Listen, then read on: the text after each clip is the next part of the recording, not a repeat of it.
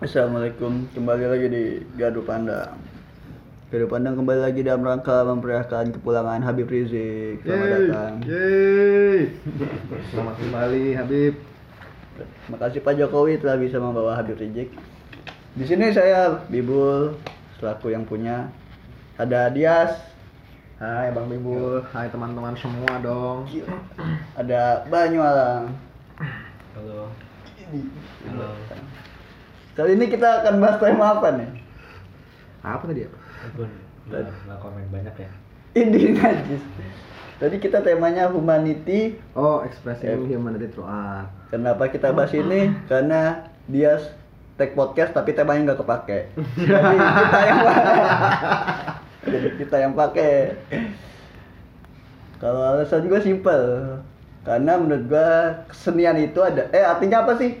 Jadi mengekspresikan kemanusiaan melalui seni. Nah, dan menurut gue yang bisa berekspresi hanya manusia dan yang bisa berkesenian hanya manusia. Betul. Jadi kenapa gue angkat itu temanya? Terus lu kenapa alasan lu ngejat dibahas itu? Hah? Alasan lu ngejat dibahas itu kenapa ya?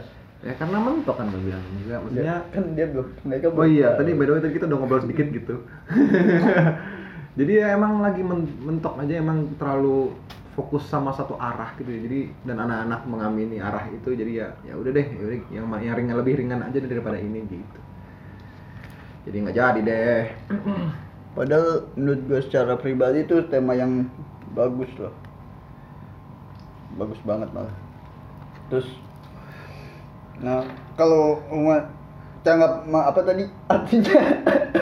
Mengekspresikan kemanusiaan melalui seni. nah, mengekspresikan kemanusiaan melalui seni. Menurut lu, lu cukup ekspresif nggak sih orangnya?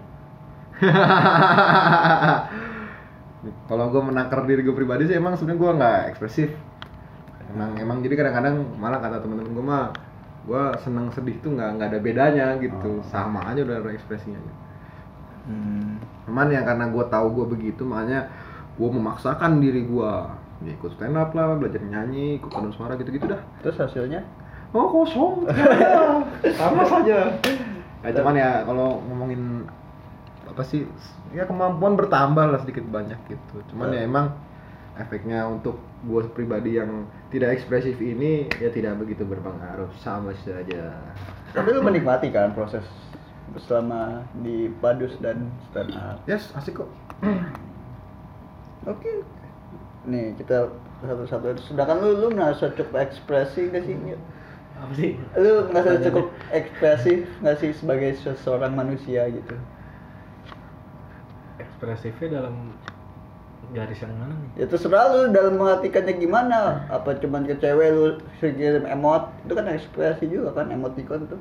Ya ekspresif. Ya udah.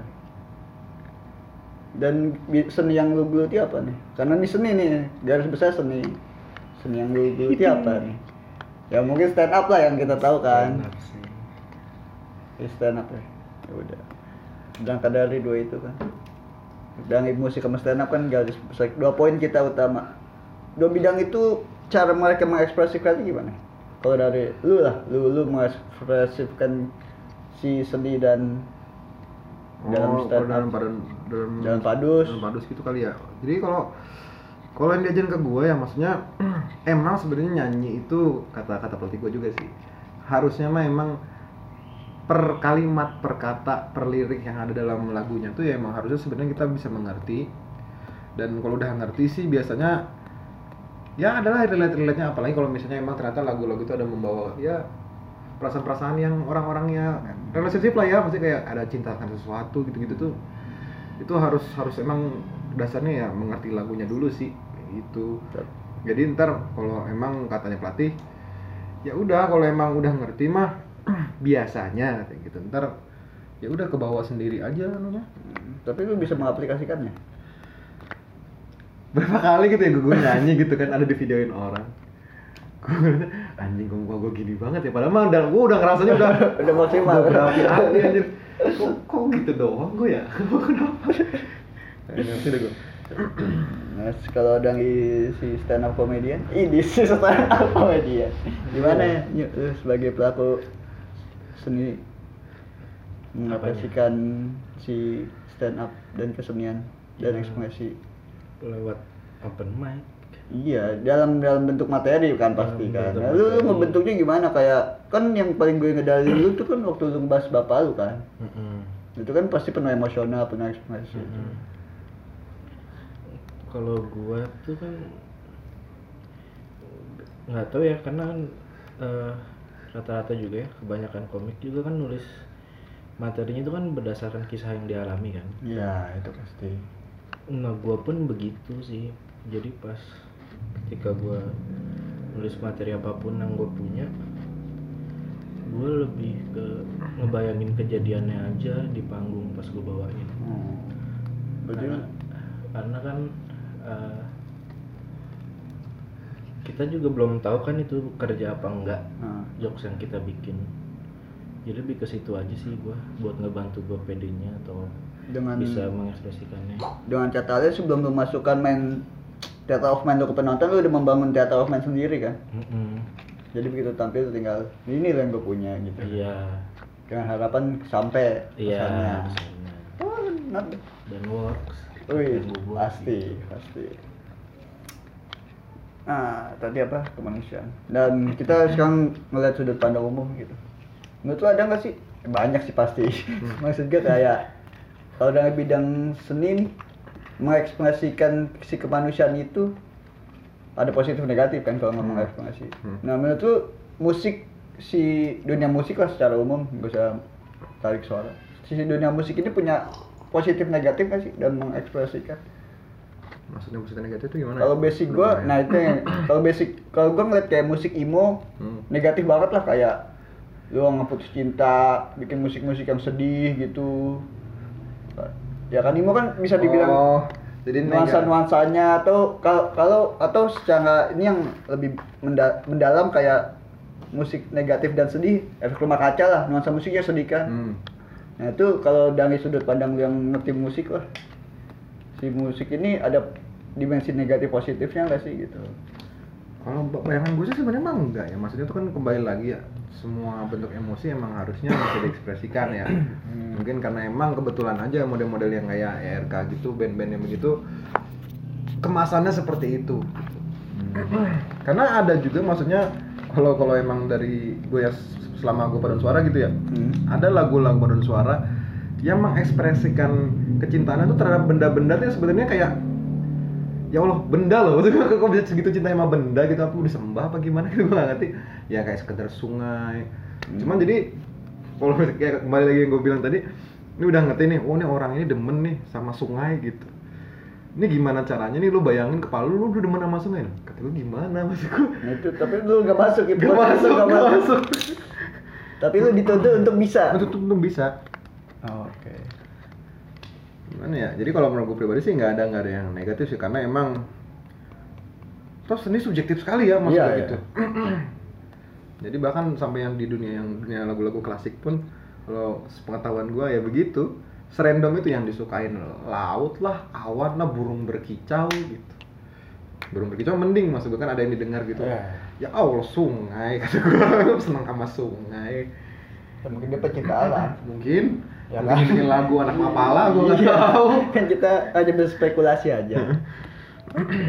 Dan kalau kalau stand up bikin usaha penulisan lah ya kan yang gampang. Kalau positif negatif pasti ada. Dalam artian lu buat sesuatu kalau kata Radit kan energi negatif tuh sangat bagus ya. Bisa nggak sih lu kayak energi negatif atau positif jadi dibalik sebaliknya gitu kalau dalam lu pernah nggak sih jangan bisa nggak sih kalau bisa bisa mungkin kan ada. Lu pernah nggak gitu? Pernah. Contohnya? Contohnya materi gue yang bokap gue itu baru kan gue itu kan gloomy lah nuansanya kan orang meninggal. kisahnya negatif ya. yang gue bawain. Jadi bisa di convert ke positifnya adalah yang gue ceritakan itu bikin orang ketawa. Hmm. Maksud gue mungkin convert dari negatif ke positifnya di situ sih. Karena kisahnya yang gue ceritakan negatif. Hmm. kayak penonton ketawa jadi efeknya positif. Iya. C- tapi mungkin kalau nggak penonton nggak ketawa negatif lagi malah. Tambah gloomy. Tambah gloomy. Alhamdulillahnya kan berhasil. Iya. Dan bukan cuma gua gitu karena sekarang kan banyak Banyak, stand-up banyak. komedian yang inilah kita ambil contoh kita komika-komika yang nulis dark jokes. Oh iya, iya. ya kan itu kan apa maksud gua? Eh, secara garis negatif. Nah, tapi untuk penikmatnya mereka bisa nerima itu. Dengan landasan nggak baper lah. Makanya yang nggak sembarang orang juga bisa menikmati si- dark joke itu kan. Iya. Oke oke oke. Nah kalau balik ke dunia suara menurut lu ada nggak sih nuansa suara yang nuansanya sedih banget? Nuansa Nuansa suara. sedih banget, kan ada suara yang happy nih kayak nuansa vokal. Gue pernah dengar siapa nyanyi ya? ini si si we are happy da, da, da, da, da, oh si. Farrell Nah, Hah? dia nyanyi lagu happy. Ya emang happy? Happy. Hmm. tapi begitu di cover sama Adam Levine jadi nuansa sedih gitu. Sebenarnya sih ya balik lagi sih boleh ini emang semua kalau emang urusan nyanyi mah tergantung yang pengen nyanyi pengen ekspresinya gimana ya. Kalau emang jadi balik lagi dari sekali lagi balik lagi tuh kalau misalnya tuntutannya dari lagu gitu kalimat gitu ya. Oh ini kalimatnya seneng nih kalau misalnya kayak kalimatnya ya sesimpel aku sayang kamu gitu. Mungkin nggak sih menurut lu kalau orang ngomong aku sayang kamu tuh kayak aku sayang kamu iya kayak lemes gitu. Mungkin lah. ya maksud gua mungkin mungkin aja tapi apakah bentuk itu yang paling genuine gitu kalau ketika orang ngomongin aku sayang kamu gitu. Ya, maksudnya ngomong ya nggak mungkin mungkin nggak yang ngebentak juga gitu. Cuman kayak mungkin juga nggak benar yang yang sincere tuh yang gimana sih gitu. apa ya? yang sincere yang sincere tuh yang yang honest gitu loh. Kalau emang kita punya perasaan sama perempuan gitu katakanlah gitu. Ya yang sincere aja yang yang paling honest paling jujur. Bentuk ekspresi paling jujur ketika lu ngomong anu tuh kayak gimana sih gitu. Yang lumrah jadi emang harus bisa membawa suasananya ke situ. Mungkin. Ya kemungkinannya juga kalau emang menurut lu Adam Levine tadi bawain lagu happy jadi kayak nuansa sedih ya emang mungkin aransemen aransemen atau mungkin emang ya si Adam Levine mungkin ya lagi nggak mood aja seneng gitu jadinya lagu sedih gitu nggak ngerti. Oke oke oke walaupun mungkin di level Adam Levine sebenarnya profesional ya harusnya mah dia bisa gitu ini berarti bisa masuk ke poin kedua. Humanity berarti kemanusiaan kan? Hah. kerjaan yang nggak bisa digantikan robot kan? Hah. si kesenian itu. Oke lah kita taruh beberapa tahun ke depan kalau corona hilang dan kita masih hidup. Robot tuh menggantikan pekerjaan seni kita gitu kan? Tadi gua mau nanya ke mana sih? Robot menggantikan pekerjaan seni kita gitu. Pertanyaannya adalah lu setuju apa enggak? Pertama setuju apa enggak? Setuju apa enggak?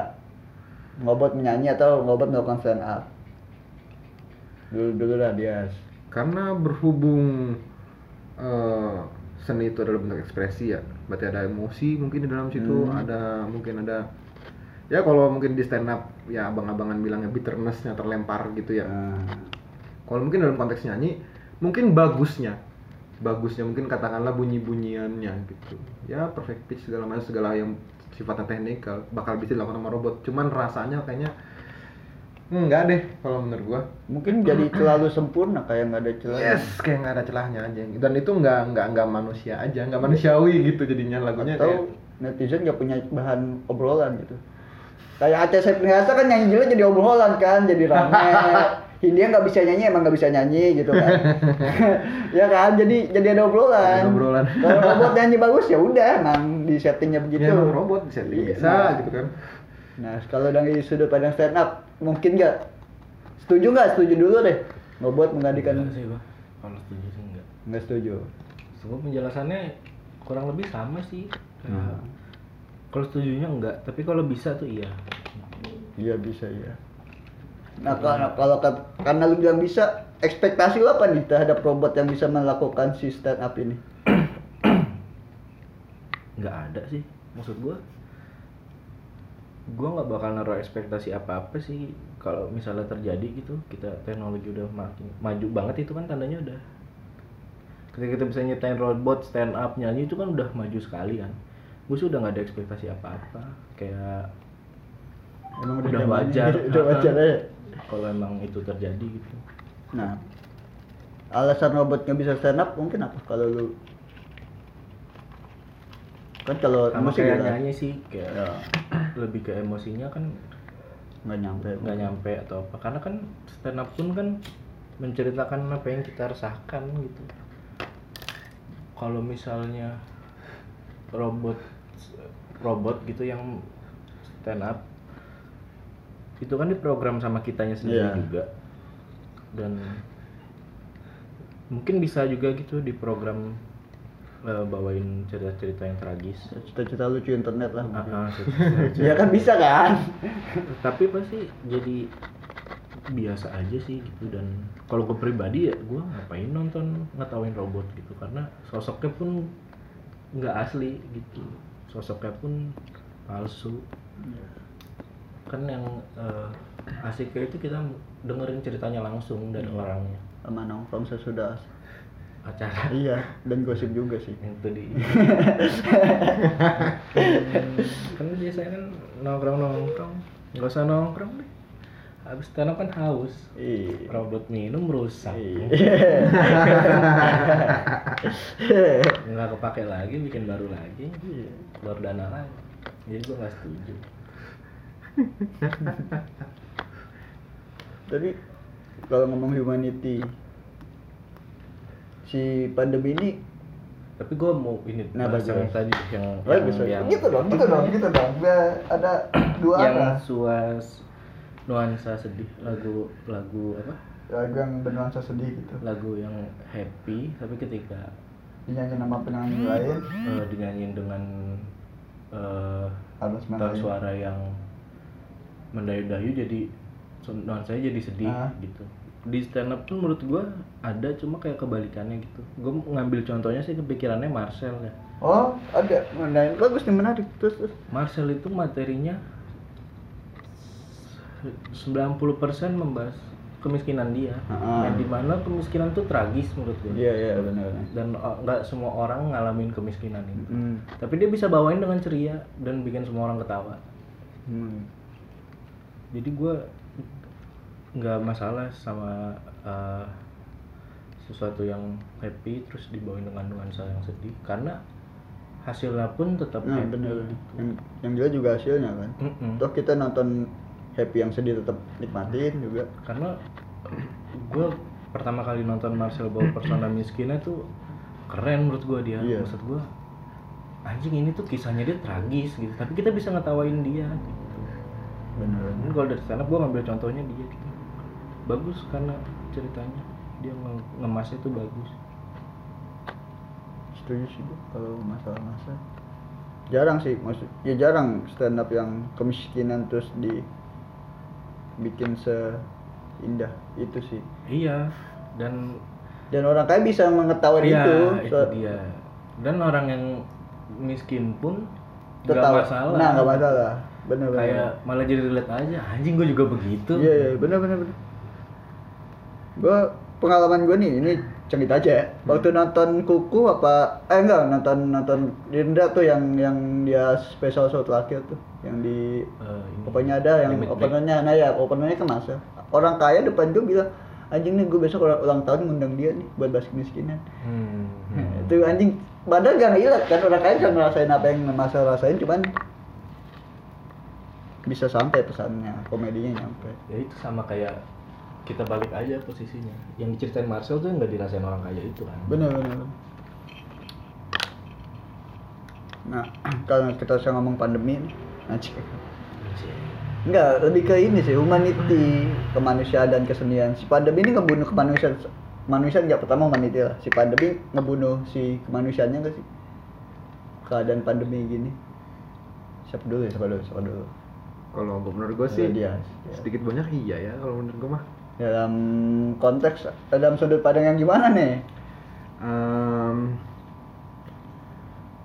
gua nggak tahu sih maksudnya sebenarnya kan kalau kalau gue nih ngerasanya kayak emang pelan-pelan tuh kayak gua mulai mulai tidak peduli sih maksudnya ini secara personal ya maksudnya Ya, nggak nggak nggak ngomongin seni seninya cuman itu juga sebenarnya berimbas juga gitu kayak entah entah jadi gua nggak tahu dia malas itu negatif nggak sih gitu kayak Positif. bawaannya tuh eh, untuk yang berekspresi yang buat neg- bentuknya negatif aja kayak marah-marah gue jadi males gitu maksud gue kan intinya gini kayak manusia tuh kan maksudnya nggak nggak selamanya senang nggak selamanya sedih juga kan gitu. Ya. dan yang justru dua hal itu yang membuat manusia tuh manusia ya nggak sih Iya ya. nah gue mau merasakan dua hal itu aja tuh kayak gue ah tai lah males gitu Mungkin itu yang di- orang bilang lu flat gitu ya. Nggak Yes. nggak bisa ekspansi. iya apa gue gara-gara gue mikir gitu kali Ya bisa jadi. nah kalau lu dari Eh, ke- eh, apa sih tadi itu kemanusiaan ya? keadaan ini ngebunuh kemanusiaan nggak? Secara umum nggak? enggak kalau menurut gua kalau secara umum Enggak.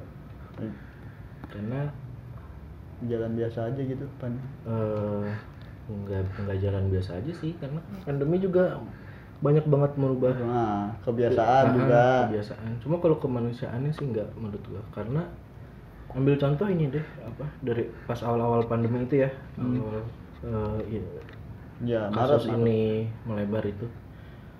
Udah langsung banyak kan yang tertarik buat jadi sukarelawan itu loh. Oh, Oh. oh, itu menggerakkan kemanusiaan malah kan? menurut gua menurut gua. Karena secara langsung dia peduli gitu. Betul. Eh, dia tahu orang-orang yang udah terinfeksi ini nggak sanggup lagi gitu. Tapi dia ada buat nolongin gitu. Karena kan awal-awal ini kan bener-bener bikin panik kan. Iya. dan yang terserang tuh bukan fisik doang mental juga. dan orang-orang ini tuh mau ngebantu orang-orang yang udah sampai kena psikisnya sampai akhirnya semua terbiasa gitu sampai biasa aja sama pandemi ini. Iya. jadi kalau dibilang matiin kemanusiaan sih enggak. Mungkin karena pada beberapa. akhirnya sekarang ya kan udah jalan 8 bulan lebih ya. Iya. situasinya pun jadi biasa aja menurut gue yang bikin beda tuh ya peraturan pemerintah aja. Benar, benar. tapi ada benernya sih kalau menurut kata Banyu mah maksudnya sebenarnya nggak mati-mati amat nggak ya? Mungkin kalau gue pribadi mungkin kayak kemakan kali ya. Jadi kan omongan orang-orang kan semua ketika awal pandemi itu kan bayangannya kan ya orang-orang pada berhenti kerja karena emang ada beberapa pekerjaan yang haruskan mereka berkumpul gitu Ah, dan itu malah menambah penyebaran. Nah, penyebaran dan Oke. dan ya maksudnya ancaman apa di pikiran orang-orang kan wah ini orang pada cepet-cepet nih terus pemerintah nggak bertindak apa-apa wah ini ntar takutnya ada yang jarah-jarah segala macem Hmm. gue mungkin kemakan omongan itu dah maksudnya intinya orang-orang tuh yang benar-benar ke, kembali ke insting mereka yang buat bertahan hidup untuk diri mereka sendiri gitu. Hmm. ya mungkin rela sampai bunuh-bunuhan ngerampok mungkin gue nggak tahu. Cuman gue kayaknya kemakan itu deh. Ya, nggak apa-apa.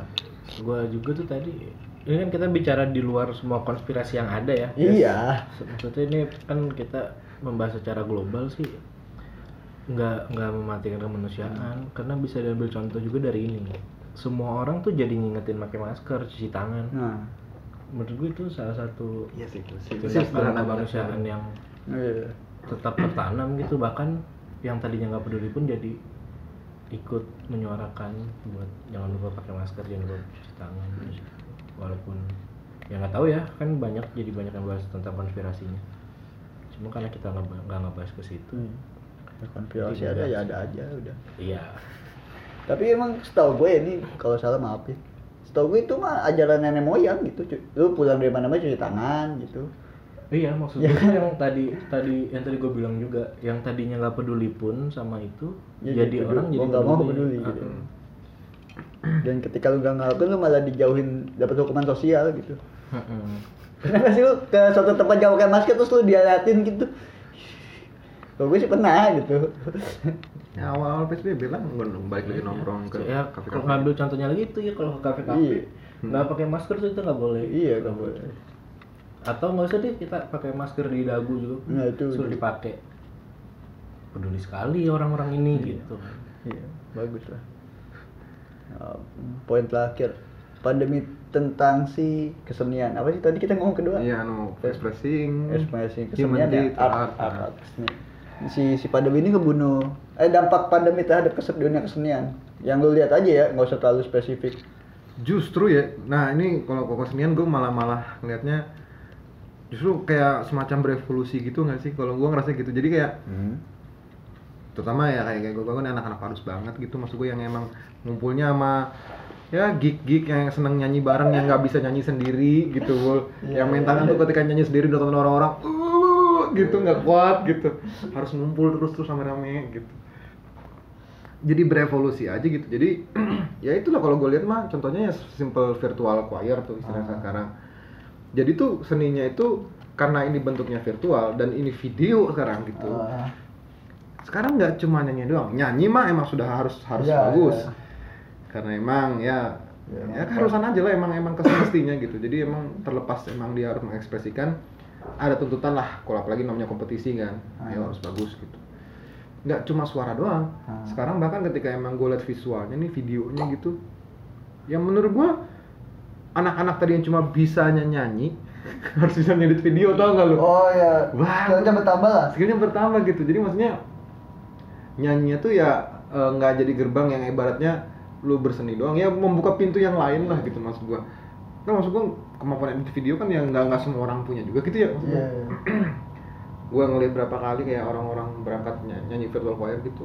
Buset, bagus juga kata gua nih bikin, bikin visual. Jadi eh, kalau emang dia tergantung lagunya gitu pengen ekspresikan senang itu bisa dibantu juga dengan visualnya yang senang juga gitu. Dan ya bagus sih menurut gua. Yang emang ibaratnya gotik sekali ibaratnya yang mungkin lagu-lagu yang gerejawi sekalipun nih mungkin ditambah latar-latar gereja gitu. Jadinya ya Rasanya lebih hidup. Lebih hidup aja jadinya malah walaupun balik ada keterbatasannya juga maksudnya ya Apa? itu tadi berkumpul susah tetap Intinya mereka si padus yang komunitas lu ini bisa mengakali si keterbatasan itu lah Yes. karena pandemi. Ah. Kayaknya stand up juga kalau lebih sama ya. Hmm, tadi apa sih pertanyaannya Si efek pandemi terhadap kesenian atau kalau lu kan stand up terhadap stand up. garis besarnya kan keseniannya Iya. kalau menurut gua kalau buat keseniannya tuh nggak nggak berdampak ya karena berkesenian menurut gua nggak nggak pernah mati gitu Betul, yang mati betul. itu yang berdampak itu ke industrinya Iya. industri seninya Ih, ini bisa bener Kayak berkesenian pun bahkan karena pandemi ini jadi banyak orang berkesenian di rumah Yap. yes sir Setuju. tapi yang berdampaknya ke industrinya menurut gua kalau kita ambil contoh ya konser-konser musik tuh Wah, mati. mati, Mati. semua tahun ini Hmm. terus ya paling deket deh stand up show show Stand stand up, tuh banyak banget yang yang nggak jadi gitu tahun ini bahkan Sekalipun festival jadi, festival nah, stand up itu. tuh kan mati gitu mungkin dampaknya lebih ke situnya kalau ke keseniannya ke seninya tuh enggak sih menurut gua karena gua pun setiap hari ya melakukan hal-hal itu nggak nggak nggak usah gue deh komik-komik banyak kok yang sampai sekarang masih nulis materi gitu. Masih masih banyak.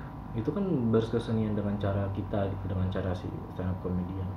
Dan mereka pun dengan harapan suatu saat keadaan akan membaik gitu. iya. Jadi lebih ke industri seninya yang menghidupi kita lewat seninya yang mati yang berdampak sangat kacau sih. Tapi itu sih maksudnya mungkin kayaknya omongan orang bilang keterbatasan untuk meningkatkan kreativitas kayaknya bener deh soalnya kayak bahkan yang di stand up pun maksudnya mereka kan mencari platform lain kan. Maksudnya Mhm. mereka membawa diri mereka yang stand up dengan kemasan lain gitu kalau gue ngelihatnya ya. Jadi emang entah kenapa sih pandemi somehow ya gue rasanya malah mendorong orang untuk ya berpikir aja gitu. Nih anjing nih kudu kondisi kayak gini gue harus kayak gimana ya? Gitu. Berkreatif. iya efeknya ke situ kayak makanya jadi banyak kan eh, orang-orang kayak komik-komik indie lah yang larinya ke bikin-bikin konten di Iya, Instagram di situ. Tap- tapi itu positif sekali gitu Positif. karena kita lagi kehilangan panggung Positif, positif. untuk stand up pun dari pas dari awal pandemi itu kan kita kehilangan sekali kan open mic semua nggak ada mati Hmm. show show mati dan larinya dan efeknya jadi ke situ efek dari dampak matinya industri seni kita bukan di stand up doang di musik pun kan jadi banyak yang bikin konser virtual Nah, ya itu banyak. terus eh, beberapa seniman juga ada yang bikin kelas Nah. virtual Betul. efeknya ke situ sih efek positifnya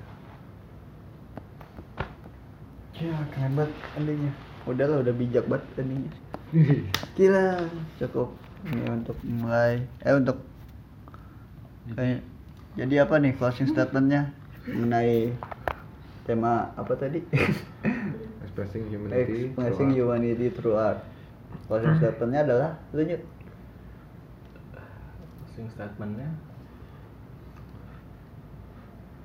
berkesenian nggak pernah mati sih. Duh. Yes. Dia pandemi anjing sih. Oh. ya gitu maksud gua. Sama orang-orang yang seni pun ternyata bisa survive gitu. Berarti emang ya ini mah orang seni mah bisa-bisa aja mah push dikit mah nggak ada masalah buat mereka kalau menurut gua gitu ada aja Tantangan lah, malah tantangan. malah tantangan gitu Tantangan. Justru karena pandemi malah jadi banyak juga yang malah jadi makin kreatif. Banyak banyak. Yang tadinya cuma jalan di satu jalur jadi ke mana-mana. Iya. Nah, kita sudahi saja obrolan. Keren lah pandemi ini keren. Keren, keren. Di sudut si dengan sudut pandang yang lain kita bisa menilai positif. Cuma emang tai aja sih bikin Iya, susah sih. Tai tai aja. Ngapa-ngapain susah jadinya. Malah sekarang kan efek pandemi jadinya yang pegawai jadi pengamen ya kan karena ada Iya kan? ada emang ada Gue emang kemarin nemu di mana gitu pengamen efek pandemi gitu di PHK. Ya positifnya sih jadi deket sama keluarga sih. Iya. Soalnya WFH kan, WFH terus sekolah dari rumah. ya udah. Cukup sekian, makasih udah kembali lagi Banyu dan Dias. Wassalam.